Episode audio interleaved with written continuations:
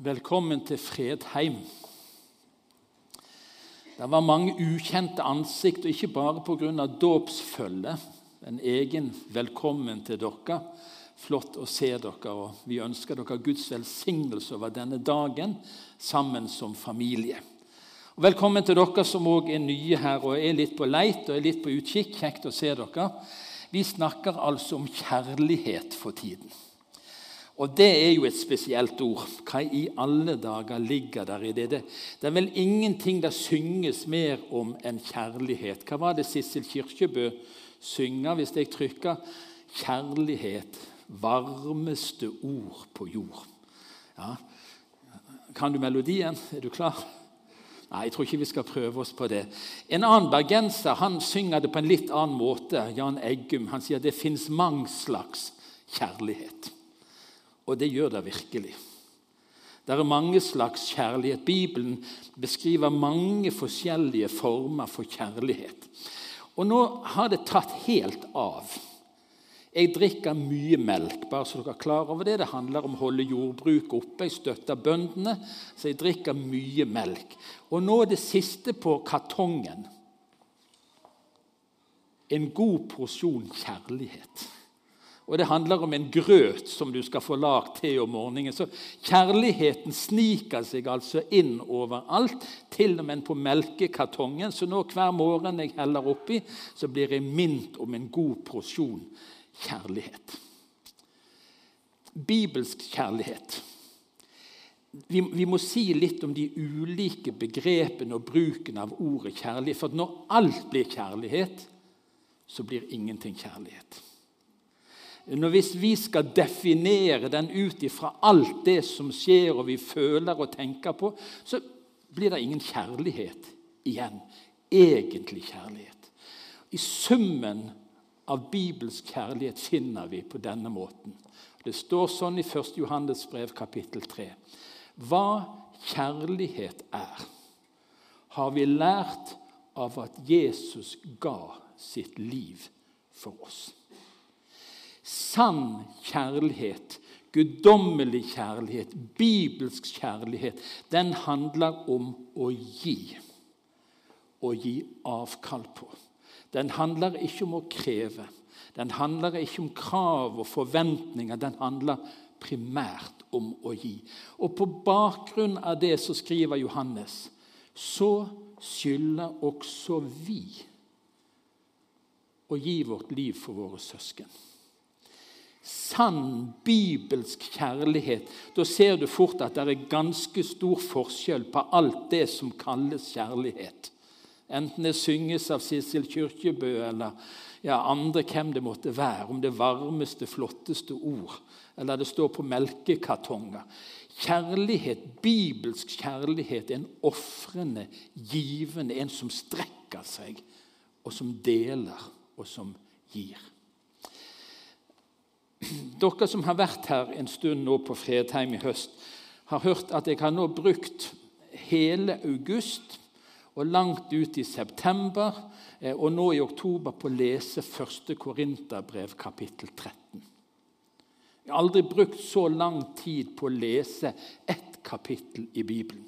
Stort sett hver eneste dag.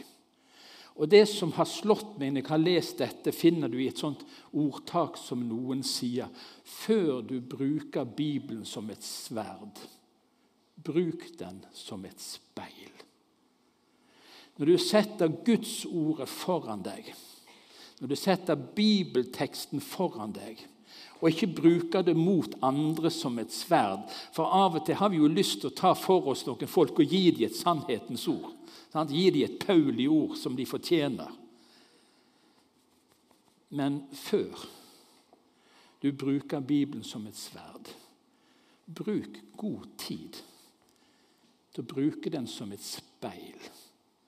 Les 1. Korinterbrev kapittel 13 til du begynner å se at du trenger Jesus mer enn alle andre.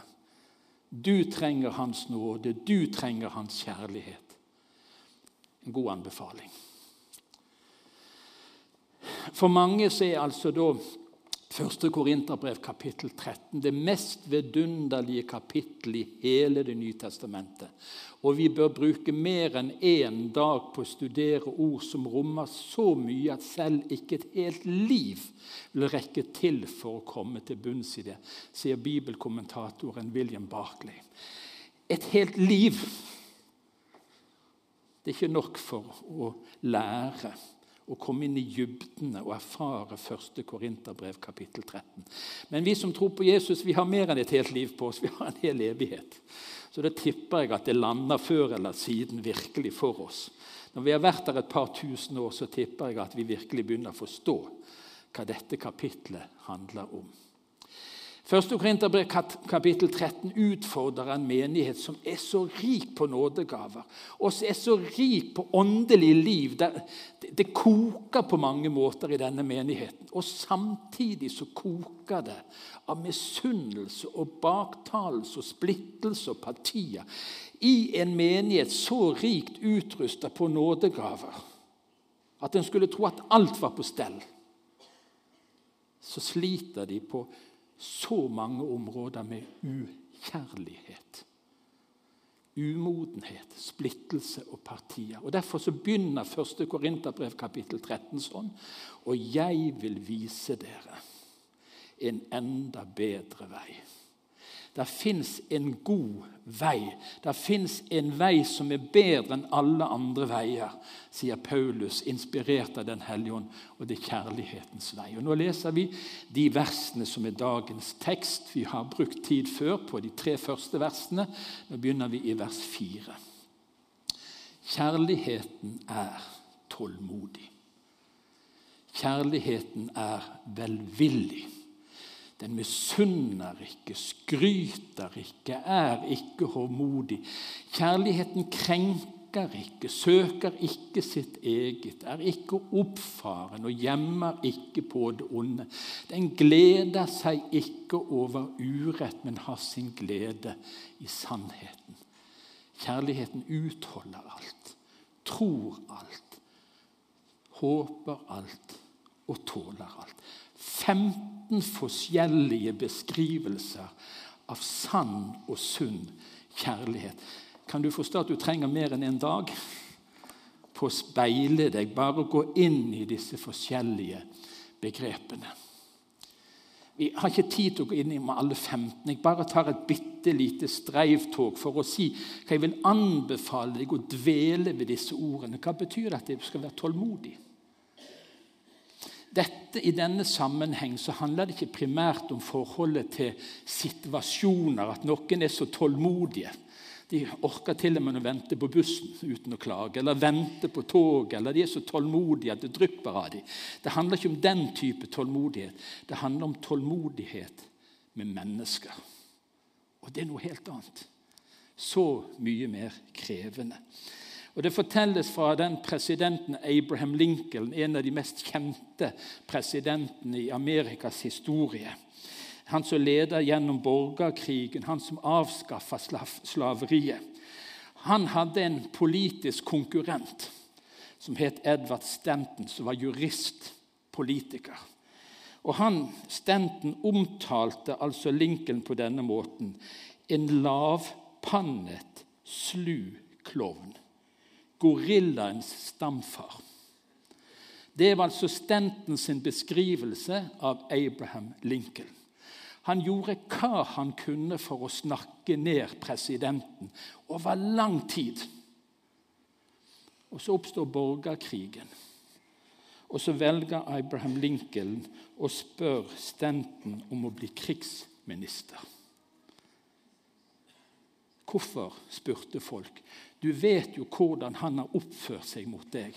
Så sier han, Lincoln, han er den best egnet til det. Derfor velger jeg han. Og Så vet mange av oss hvordan det gikk når Abraham Lincoln på en teaterforestilling ble skutt og drept.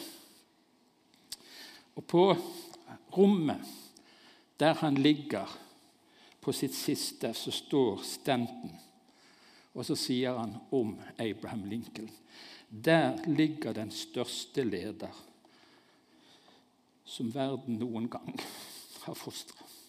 Tålmodig kjærlighet kan forandre et forhold. Ser du det? Tålmodighet med mennesker kan forandre på en så sterk måte at stenten står der når presidenten er i ferd med å dø, gråtende. En sånn leder har ikke verden fostra. Den type kjærlighetens tålmodighet er det teksten taler om. Den skryter ikke.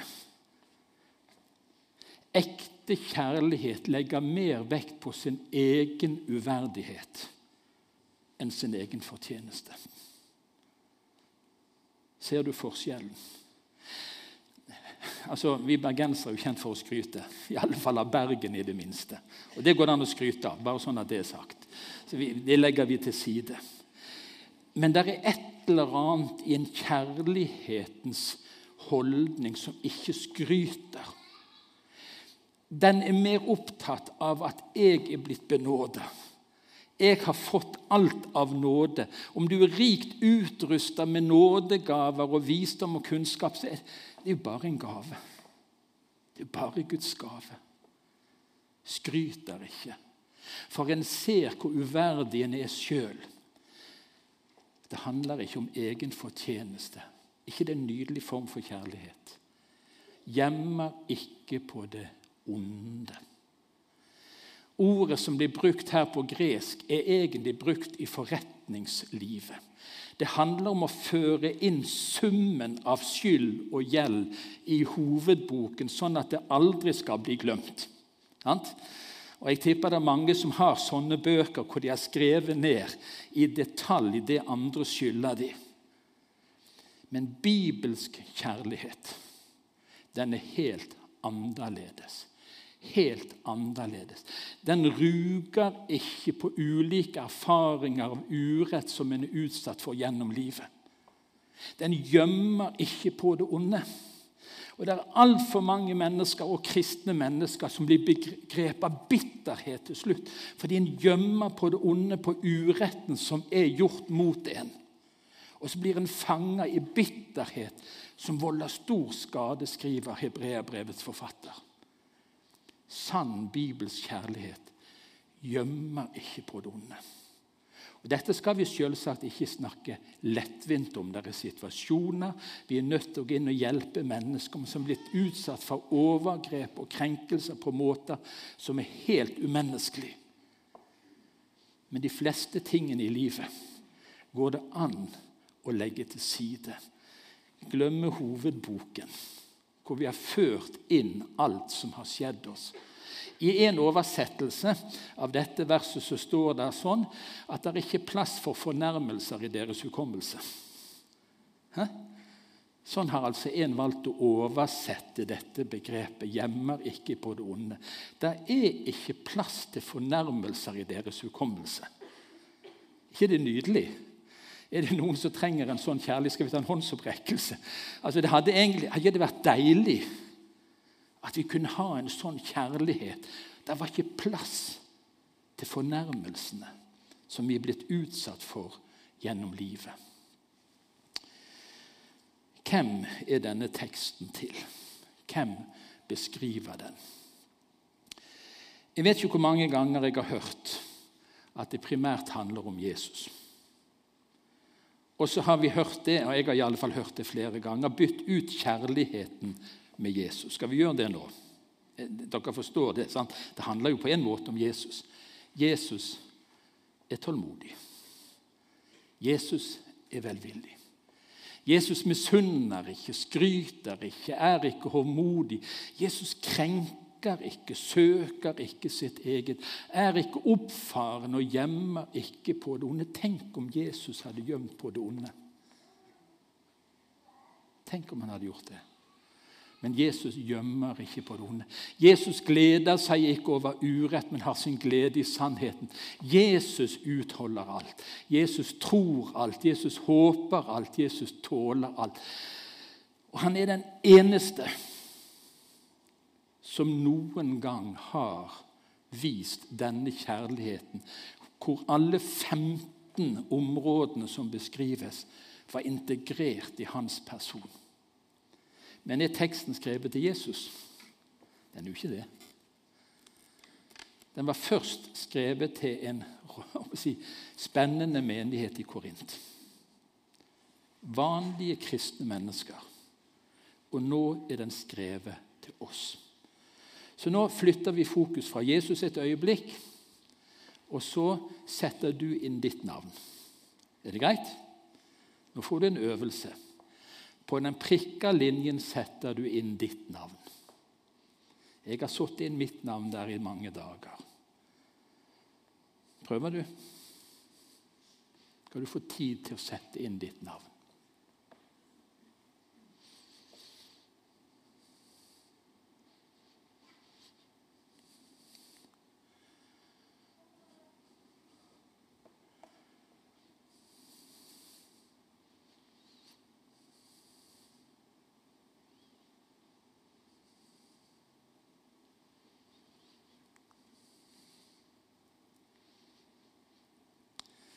Hvordan smakte det?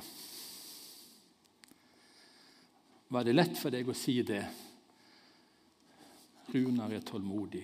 Svein, Grete, Kjersti, Per, Reidar er tålmodig. Er velvillig. Misunner ikke, skryter ikke, er ikke håndmodig. Runar, Geir. Terje. Skal vi ta navnet for oss? Kikker på, Noen ser ned noen, altså vil ikke bli nevnt. Krenker ikke. Søker ikke sitt eget. Ikke oppfarende og gømmer ikke på det onde. Runa gleder seg ikke over urett, men har sin glede i sannhet. Ser du hvor annerledes det blir? Denne teksten er ikke skrevet til Jesus. Den er skrevet om Guds kjærlighet, som Paulus lengter skal fylle disse nyfrelste i Korint, istedenfor det som de er så fylt av fra før. Og jeg tror at Guds ord er akkurat likt i dag. For 200 mennesker på Fredheim søndag 8. oktober så er Guds utfordring denne søndagen at vi blir prega av en sånn kjærlighet. At vi blir fylt av en sånn kjærlighet.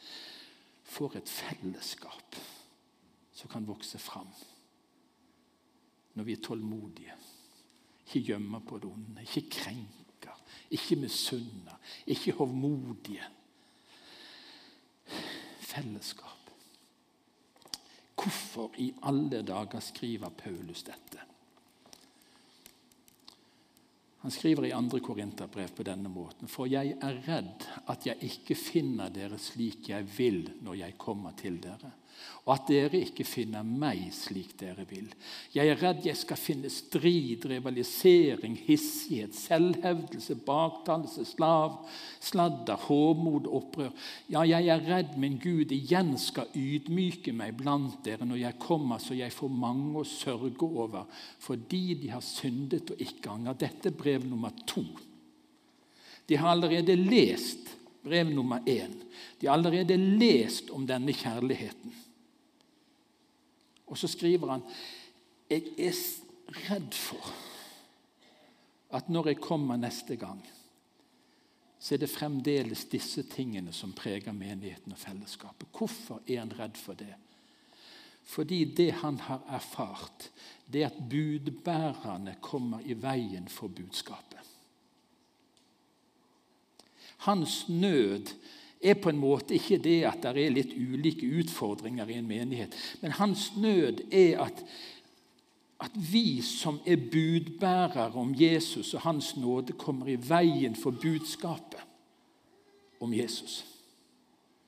Han er så redd for at evangeliet skal bli skjult for mennesker gjennom at de som skal formidle evangeliet, lever så langt ifra evangeliet sin hverdag.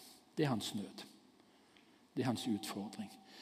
Og jeg tror, og det har du helt sikkert hørt Jeg kunne godt ha vært en kristen hadde ikke vært for de kristne.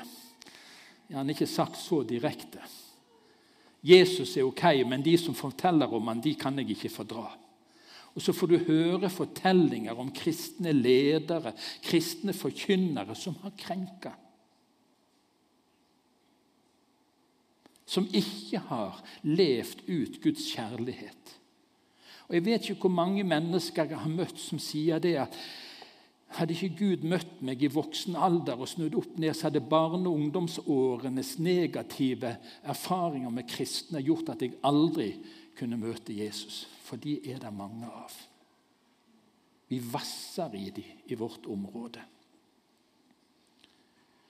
Paulus har en nød for at budbærerne, menigheten, de kristne, ikke skal leve sånn at budskapet om Jesus mister sin kraft. Og Så blir spørsmålet er det mulig. Er det mulig? Skal vi ta en avstemning? Hvem tror det er mulig? Nei, dere skal få slippe. Men nå skal dere høre hvordan Paulus og hans medarbeidere levde. Vi gir ikke mennesker noen grunn til å bli støtt bort så tjenesten ikke skal bli spottet. Nei, vi viser oss som Guds tjenere på alle måter, med stor tålmodighet i motgang, nød og angst, under mishandling, i fengsel og i opptøyer, i hardt arbeid, i nattevåk og sult. Vi går fram, hør nå, med redelighet og visdom, med tålmodighet og godhet i Den hellige ånd med oppriktig kjærlighet. Sånn beskriver han seg, sin tjeneste og de som han går sammen med og reiser sammen med. For at ikke budskapet, for at ikke Jesus skal bli spotta, så lever vi på denne måten. Tålmodighet, godhet i Den hellige ånd og med oppriktig kjærlighet. Han ble fengsla, han ble piska, han ble steina. Han var i alle slags nedverdigende situasjoner, og dette er sånn han ville leve som apostel. Er det mulig? Ja, det er mulig. Det er faktisk mulig. Og hvorfor er det mulig? I 1. Timoteus brev skriver Paulus til sin unge medarbeider det er et troverdig ord og vel verdt å ta imot. At Kristus Jesus kom til verden for å frelse syndere. Og blant dem er jeg den største. Og jeg sier det rett ut hvis han var den største, så er det håp for oss som er nest størst og tredje størst. Er det ikke det? Han som hadde forfulgt og fengsla Guds menighet, hadde gjort at mennesker som hadde tatt imot Jesus, ble drept. Han møtte Jesus, han som var den største av alle syndere, sånn som han opplevde seg. Han ble forandra på en sånn måte at han ikke sto i veien for evangeliet. Det er faktisk mulig. Det er faktisk mulig. Hør. Lukas 7. En kvinne. Ikke sto ikke høyt i kurs. Ødelagt liv i synd. Og så møter hun Jesus, og så sier Jesus, 'Derfor sier jeg deg, hennes mange synder er tilgitt.' Derfor har hun vist så stor kjærlighet. Men den som får lite tilgitt, elsker lite. Syndere som får mye tilgitt, hva gjør de? De elsker mye.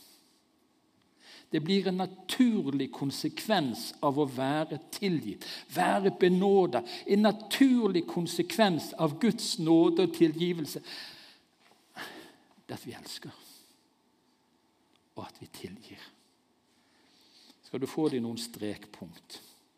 Hvordan kan dette skje? For aller først og viktig la deg elske. Ja, men jeg er ikke elskverdig. Du skulle visst hva jeg har gjort, og hva jeg har sagt, og hva jeg har tenkt bare i dag. Vet du hva? Guds kjærlighet, Jesu kjærlighet til deg, er grenseløs. Uansett hvem du er, hva du har gjort, så bare sier Jesus, 'La deg elske'. La meg få elske deg. La meg få benåde deg. La meg få tilgi deg. Du kan tenke at du ikke er verd et gram av kjærlighet, men jeg elsker deg. Jeg elsker deg like inn i døden. Folk, vi må la oss elske. Vi må la oss elske av Han som er kjærlighet. Der begynner det. La deg elske. Bekjenn dine synder. Den som er tilgitt lite, sa Jesus, elsker lite. Den som er tilgitt mye. Vær rask med å be Jesus om tilgivelse. Ikke gå bær på det. Ikke tro det at han blir forstyrra av at du kommer for femte eller hundrede eller tusende gang med det samme. Vær rask til å be om tilgivelse. Hvorfor det? For den, den som er tilgitt mye, han elsker mye. Det er en konsekvens av å leve i nåde. Du blir nådig av det. Nydelig. Lev i lyset. Lev åpent. Lev ærlig. Gud, du vet alt, sa Peter her. Du vet alt. Du trenger ikke skjule en ting for Gud. Du kan ikke skjule noe for han uansett. Lev i lyset. Bli fylt av Ånden. Da fullfører vi ikke begjæret i vår kjødelige natur, sier Paulus i Romerbrevet. Bli fylt av Ånden. Bli fylt av det som erstatter småligheten. Den menneskelige, egoistiske kjærligheten. Bli fylt av Ånden. Og nest siste bilde sier det på denne måten. Og det er nydelig. Og håpet skuffer ikke. For Guds kjærlighet er utøst i våre hjerter ved Den hellige ånd, som Han har gitt oss. Kan dere være med og lese det nå? Skal vi prøve å lese det sammen? Er det greit? Vi leser det. Og håpet skuffer ikke. For Guds kjærlighet er utøst i våre hjerter ved Den hellige ånd, som Han har gitt oss. Du som kjenner Jesus, har fått Guds kjærlighet utøst i ditt hjerte. Det bor der som en skatt. Det er der som en perle i ditt hjerte, i ditt liv. Ved Guds ånd så har du denne kjærligheten. Slipp han løs. Slipp han løs. Slipp han løs. La deg elske sånn at du elsker. La deg bli tilgitt sånn at du tilgir. Lev i lyset og bli fylt av Ånden. Det skulle vært et bilde til.